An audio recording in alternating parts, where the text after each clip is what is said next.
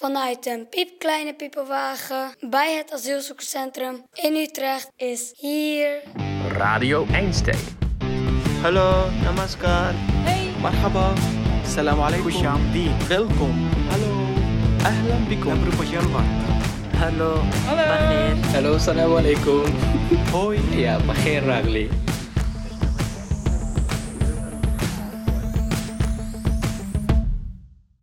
Ik was uh, gaat van Iran naar Turkije. Dit is Fatime. Ik ben Fatima. Ik kom uit Iran. Ik ben 26 jaar en ik eh, ben bijna vijf jaar in Nederland. Als ze 21 is, vlucht Fatime met haar man en dochtertje vanuit Iran naar Europa. Het is een reis die ze waarschijnlijk nooit zal vergeten. Van Iran naar uh, Turkije met auto en dan naar de uh, grens moet lopen. Rugzak is uh, bij mij. Fatime draagt een grote zwarte rugzak vol waardevolle spullen. Weet je nog wat erin zat? Mijn mobiel, mijn kleding, jurk, lang, broek en grote sjaal. Ze weet nog goed dat ze de rugzak bij de grens moet inleveren. Voor even maar. Straks mag ze hem weer komen ophalen. En dan ik uh, heeft veel stress. Ik vergeten deze rugzak ophalen. Alles in de rugzak was ik vergeten. Ja. Ze bedenkt zich wat er allemaal in zit. Haar eerste gedachte is: ach, het zijn maar spullen. Maar dan realiseert ze zich dat haar telefoon gevuld is met foto's en video's van haar dochtertje Nazanin. Ik word heel veel verdrietig ja, van filmpje van Nazanin. Ja, alles weg. Nazanin, alles een beetje groeien. En dan zeg ik, waarom ik heb niet uh, filmpje van ik was klein. Ja, wat zeg ik? Ja, alles weg. Ja. ja. Dit verhaal van Fatime zou zomaar een scène uit een film of een boek of een toneelstuk kunnen zijn. In die zin is het niet vreemd dat toen we het verhaal voorlegden aan een toneelschrijver, namelijk Anne. Uh, ik ben Anne, ik ben schrijver. Dat ze dit zei. Die rugzak vol herinneringen, dat die daar nog ergens ligt. Dat ze daar ergens op de grens haar herinneringen letterlijk in een rugzak heeft achtergelaten. Dat beeld vind ik heel mooi. Het is bijna een soort van metafoor waar je al niks meer aan hoeft te doen als schrijver.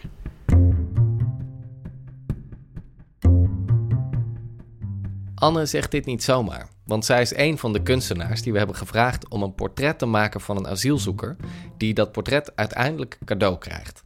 De kunstenaars hebben alle vrijheid om te maken wat ze willen. Het kan een geschreven portret zijn, een beeldend portret of een lied.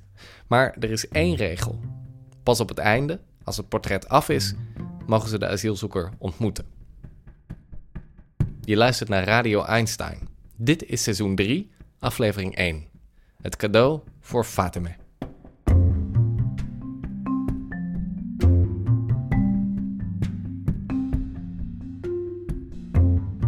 Fatime, denk ik dat je haar naam uitspreekt. We beginnen bij het begin. Het moment net nadat Anne te horen heeft gekregen wat de opdracht is. Een uh, vrouw van 26 jaar met twee kleine kinderen van 6 en 2. Vind ik leuk, want ik ben zelf ook moeder. Ik heb ook twee kindjes.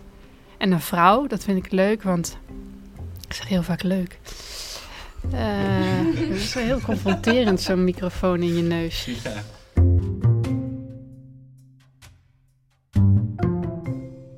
Aangezien Anne Fatime pas ontmoet op het einde, als het portret af is, moet ze tot die tijd doen met geluidsopnames van Fatime die ik voor Anne opneem.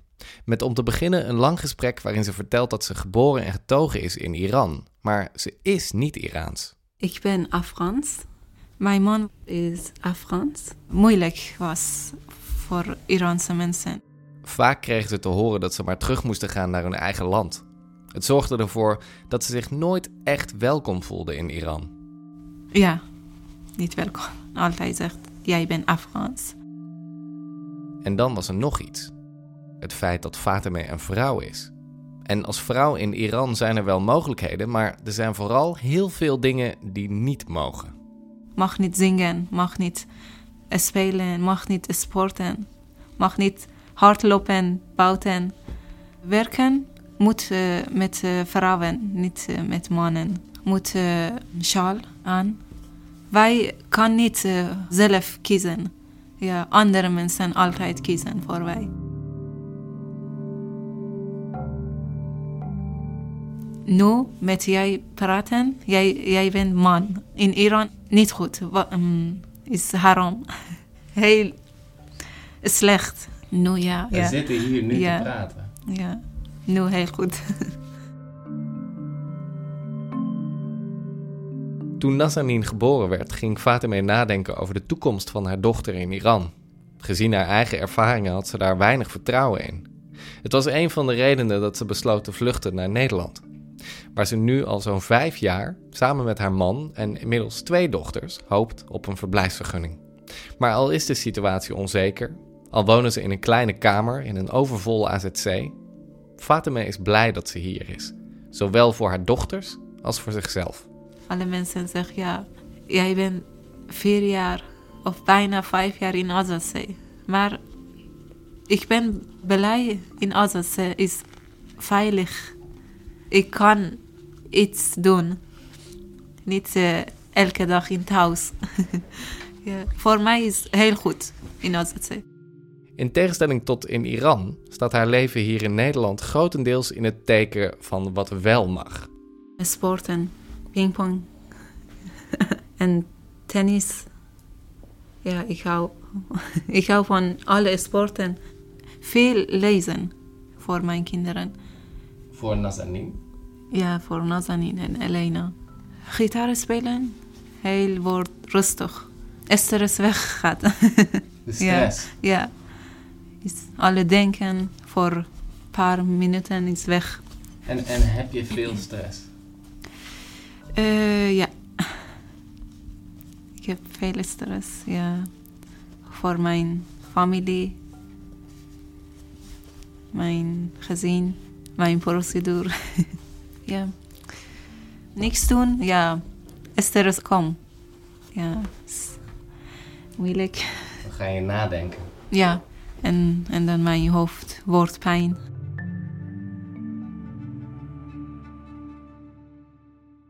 Tot slot vertelt ze nog iets meer over het voorval met de rugzak.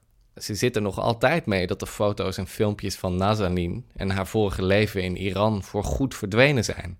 Maar er zit ook een andere kant aan. Als het filmpje was hier, ik altijd kijken. Ik denken met eh, vroeger, ja.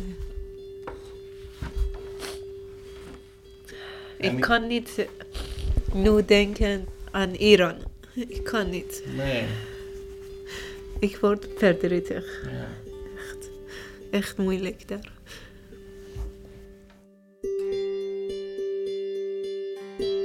Misschien, zegt Fateme, was de vergeten rugzak behalve een verdrietige herinnering ook een cadeau.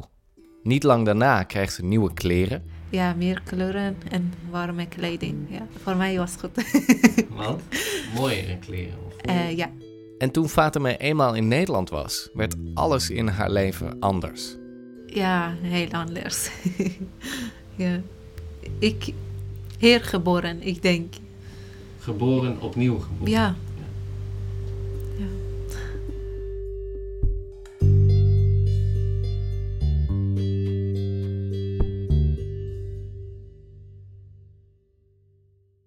Niet lang nadat Anne mijn hele gesprek met Fateme heeft beluisterd, stuurt ze me een uitgebreid audiobericht, waarin ze uitlegt dat ze de opdracht nog niet zo simpel vindt als die aanvankelijk leek. Ik weet nog dat ik naar huis fietste, naar de kick-off, en dat mijn hoofd best vol zat.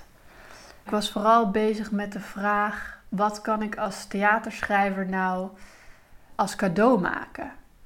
De teksten die ik schrijf, die moeten gespeeld worden. Ik, en ik kan haar toch moeilijk een toneeltekst op papier zetten. Daar zit ze denk ik helemaal niet op te wachten.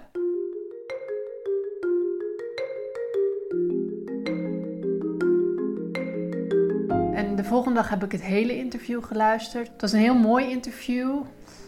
Maar de vraag bleef wel in mijn hoofd spoken: wat ga ik nou voor haar maken? Ik wou dat ik iets concreets kon maken als een strip of een liedje, merkte ik. En toen dacht ik opeens, ja, het is toch een beetje een restrictie die ik mezelf heb opgelegd. En toen bedacht ik dat ik heel graag een combinatie wilde maken van een tastbaar object en een tekst. En daar werd ik helemaal blij van, merkte ik. En al gauw kwam toen het idee om een kinderboek te maken.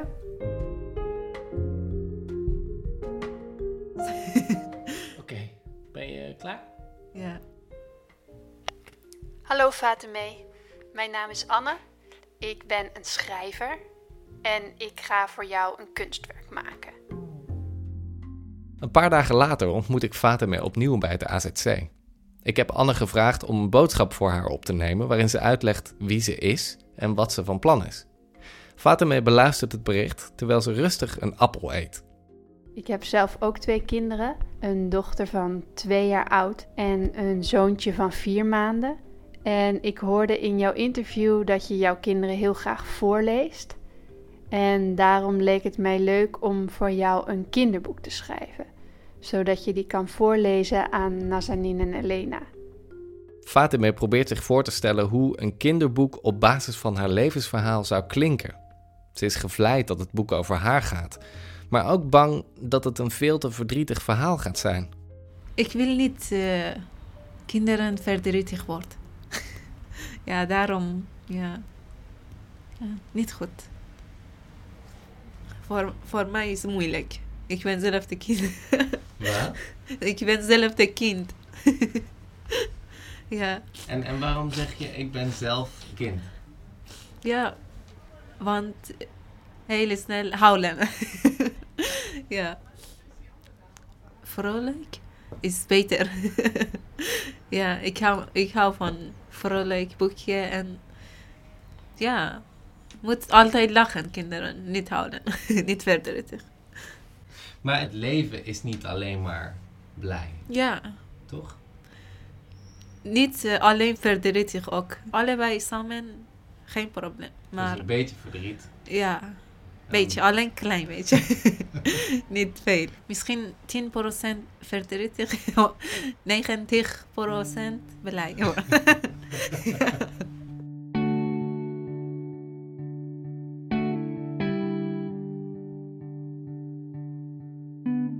Behalve de mededeling over wat ze gaat doen, heeft Anne ook een paar vragen voor Fatime.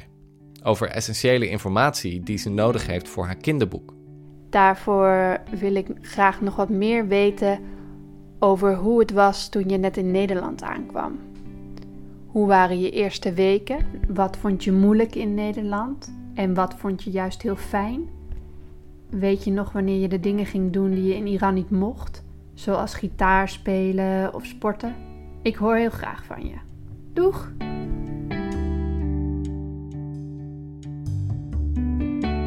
Nazanin, mijn dochter, was ziek. Niks eh, gegeten als eten, alles eh, terug. Fatime vertelt over de eerste dagen in Nederland, die ze vooral doorbracht in een ziekenhuis in Den Haag. Eerst eh, tien dag in ziekenhuis. In Iran moet eerst betalen. Maar hier, heel was goed. Dokter, ja, heel aardig. Even wonen ze in het AZC in Zeist en vervolgens komen ze terecht in het Groningse Oude Pekela.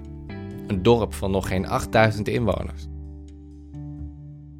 In een groot AZC? Mm, Ja, eh, misschien 500 mensen. Eerst was moeilijk. Op een gegeven moment ontdekt ze een zaaltje waar mensen van het AZC kunnen spelen. Er staat een biljart, een pingpongtafel en Fatime wil ook spelen. Maar er is één probleem.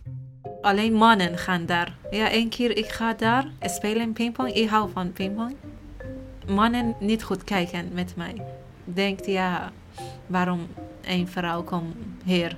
Deze mannen zegt haram, niet goed. Dus, een beetje hetzelfde zoals in Iran. Ja, ja, ja. En dan ik word verdrietig. En dan ga naar de kamer, ja, een beetje huilen. ja, mijn man ja, een beetje rustig maken. Haar man troost haar en spoort haar aan om zich niet uit het veld te laten slaan. Jij moet gaan daar, andere vrouwen ook komen. Is eh, voor mannen en vrouwen. jij eerst moet gaan. En dan ik ga. Ging je met, met een vrouw pingpongen? Nee, met mannen. ja, geen vrouw daar. Een eh, Nederlands man, een oude man was altijd met mij zeggen, ja kom, jij kom. Ja, heel blij wordt als ik ga daar. Aanvankelijk voelt ze de priemende blikken van mannen die het maar raar vinden, een vrouw aan de pingpongtafel. En daarna? Ja, heel wordt goed, ja. En dan altijd, ik ga spelen. Vanaf dat moment grijpt Fatime alles aan wat er langskomt. Een man, Jordi was naam. Ja, altijd met wij zeg, kom tennis spelen. Ja, heel was lief. Ik ben nu vrij, ik mag alles doen. Volleybal spelen, gitaar spelen in buiten, eh, dansen, zumba, hardlopen. Hardlopen? Ja, misschien springtouw en hula hoop. Hula Hula hoop, heel moeilijk naam. ja, heel goed is hier.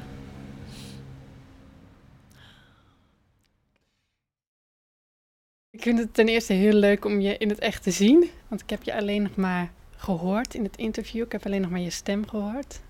We zijn in Overvecht, in de studio van Stut Theater.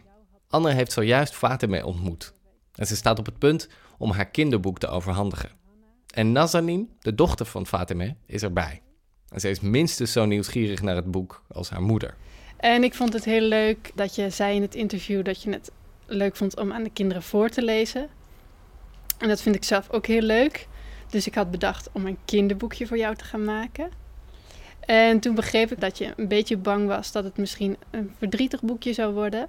Dus dat heb ik niet gedaan. Ik heb een heel mooi boekje gemaakt over jou, een vrolijk boekje. Die je kan voorlezen aan Elena en aan jou, Nazanin. Ik denk dat Elena vooral de plaatjes heel mooi gaat vinden. Want die snapt misschien nog niet helemaal waar het over gaat. Maar hopelijk snap jij het wel, Nazanin. En kan je misschien je moeder ook een beetje helpen ermee. Uh, ik heb het niet alleen gemaakt. Ik heb het samen gemaakt met een illustrator. En het boekje uh, gaat een beetje over jouw leven. Ik vond het heel mooi dat je zei in het interview dat je het gevoel had dat je hier in Nederland opnieuw geboren bent. Ik weet niet of je nog weet dat je dat gezegd had. En daarom heb ik van jou in het boekje een rupsje gemaakt, die een vlinder wordt. Weet je wat een rups is? Niet vlinder? Nee, Ja. ja, ja, precies. Ja, juist. Ja, wat het voor een vlinder is. Ja. Dus in Iran ben jij nog een rupsje. En in Nederland ben jij een vlinder geworden die heerlijk fladdert. Volgens mij moet je het vooral eh, gaan, gaan zien. Misschien wil jij hem uitpakken na zijn niet. Hij is namelijk ook vooral voor jou. Alsjeblieft. Dankjewel.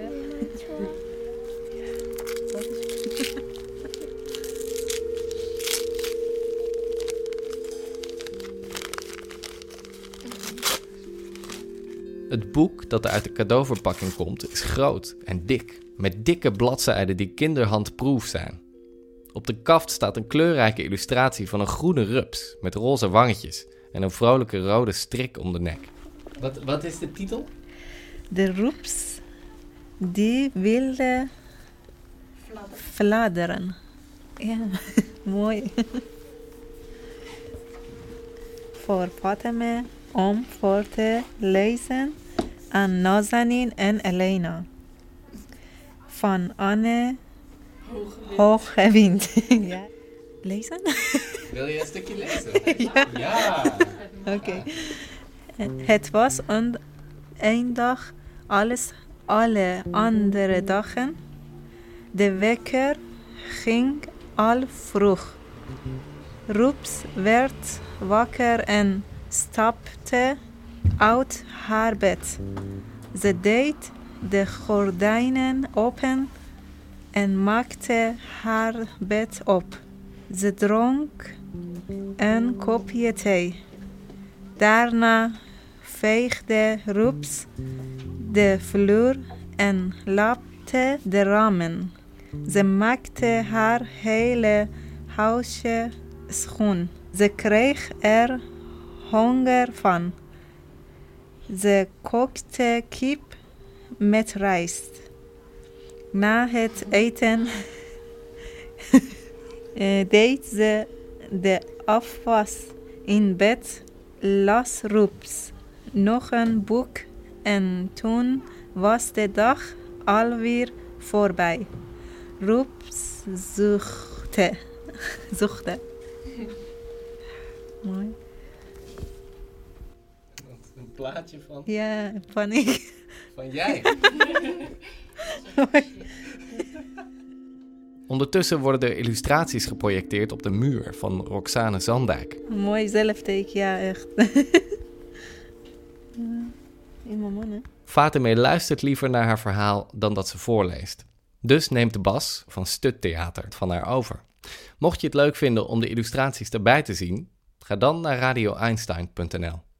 Als je de plaatjes er liever bij verzint, luister dan gerust verder. Zal ik gewoon verder lezen? Die nacht kon Rups niet slapen. Ze wilde niet meer de vloer vegen en de ramen lappen.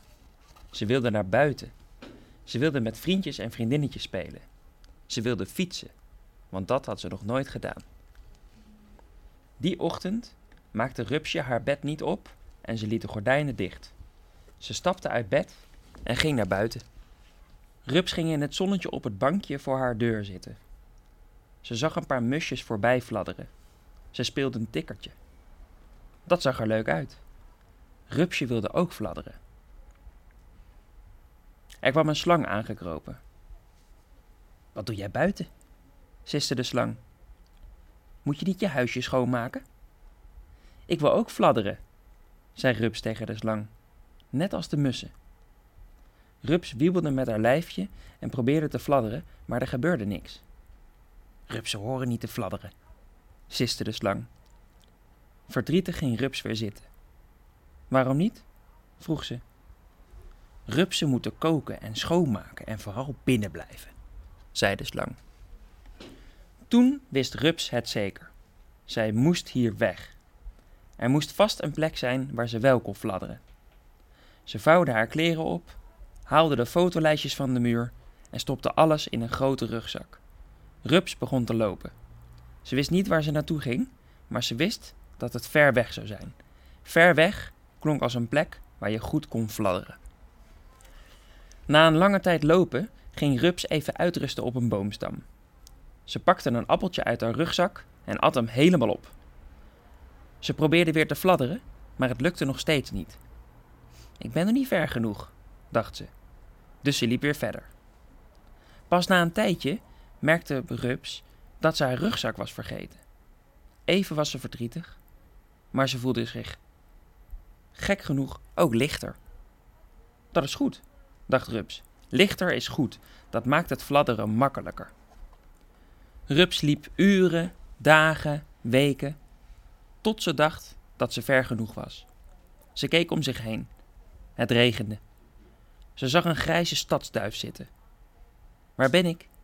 vroeg Rups aan de duif. De duif zei iets terug, maar hij sprak een andere taal en ze kon hem niet verstaan. Rups ging zitten. Ze voelde zich alleen en ze had het koud. De duif kwam terug met een warme jas. Rups trok hem snel aan.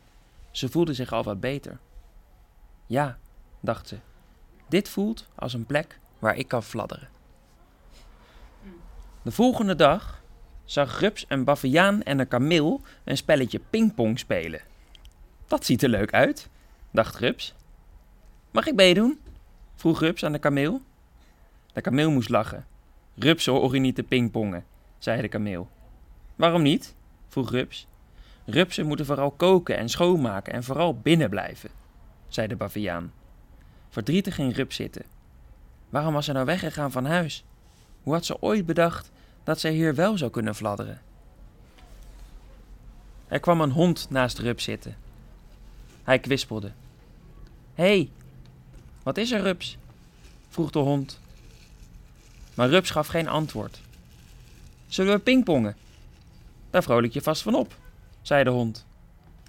Rupsen horen niet te pingpongen, zei Rups verdrietig. Wie zegt dat? vroeg de hond. De kameel en de baviaan, zei Rups. Nou, dan moet je het juist doen.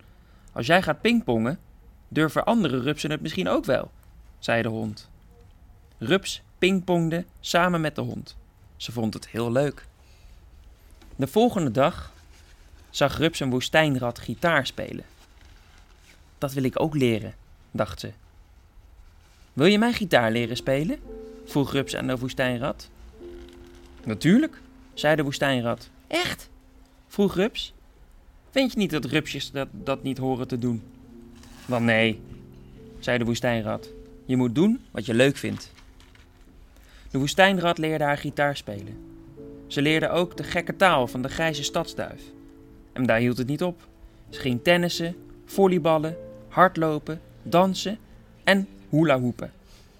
Ze vond het heel leuk. Op een dag werd Rups wakker en voelde zich anders. Ze voelde zich lichter dan zij zich ooit had gevoeld. Ze hoorde een zacht gekraak. Haar jasje scheurde en viel met een plof op de grond. Op de plek waar eerst Rups zat, sloeg nu een vlinder haar vleugels uit. Ze fladderde voorzichtig met haar vleugels en zwom een klein stukje van de grond. Zo voelt het dus om te fladderen, dacht Rups, die nu een vlinder was. Nu ze wist hoe het voelde, wilde ze altijd blijven fladderen. Laatste was leuk. ja, echt leuk is. Was. Dankjewel. Ik, ik denk heel uh, goede boekjes. Ook voor kinderen. ja. Heel uh, vrolijk. Goed. Ik een beetje verdrietig geworden. Maar ik kan niks doen. Moet uh, vergeten van vroeger. Ja. Moet uh, nu leven. Zelf deze vlinder. ja. Nu fladderen. Ja, voor nu denken, niet voor vroeger. Heel bedankt voor deze boekje en roepsen. Heel mooi was.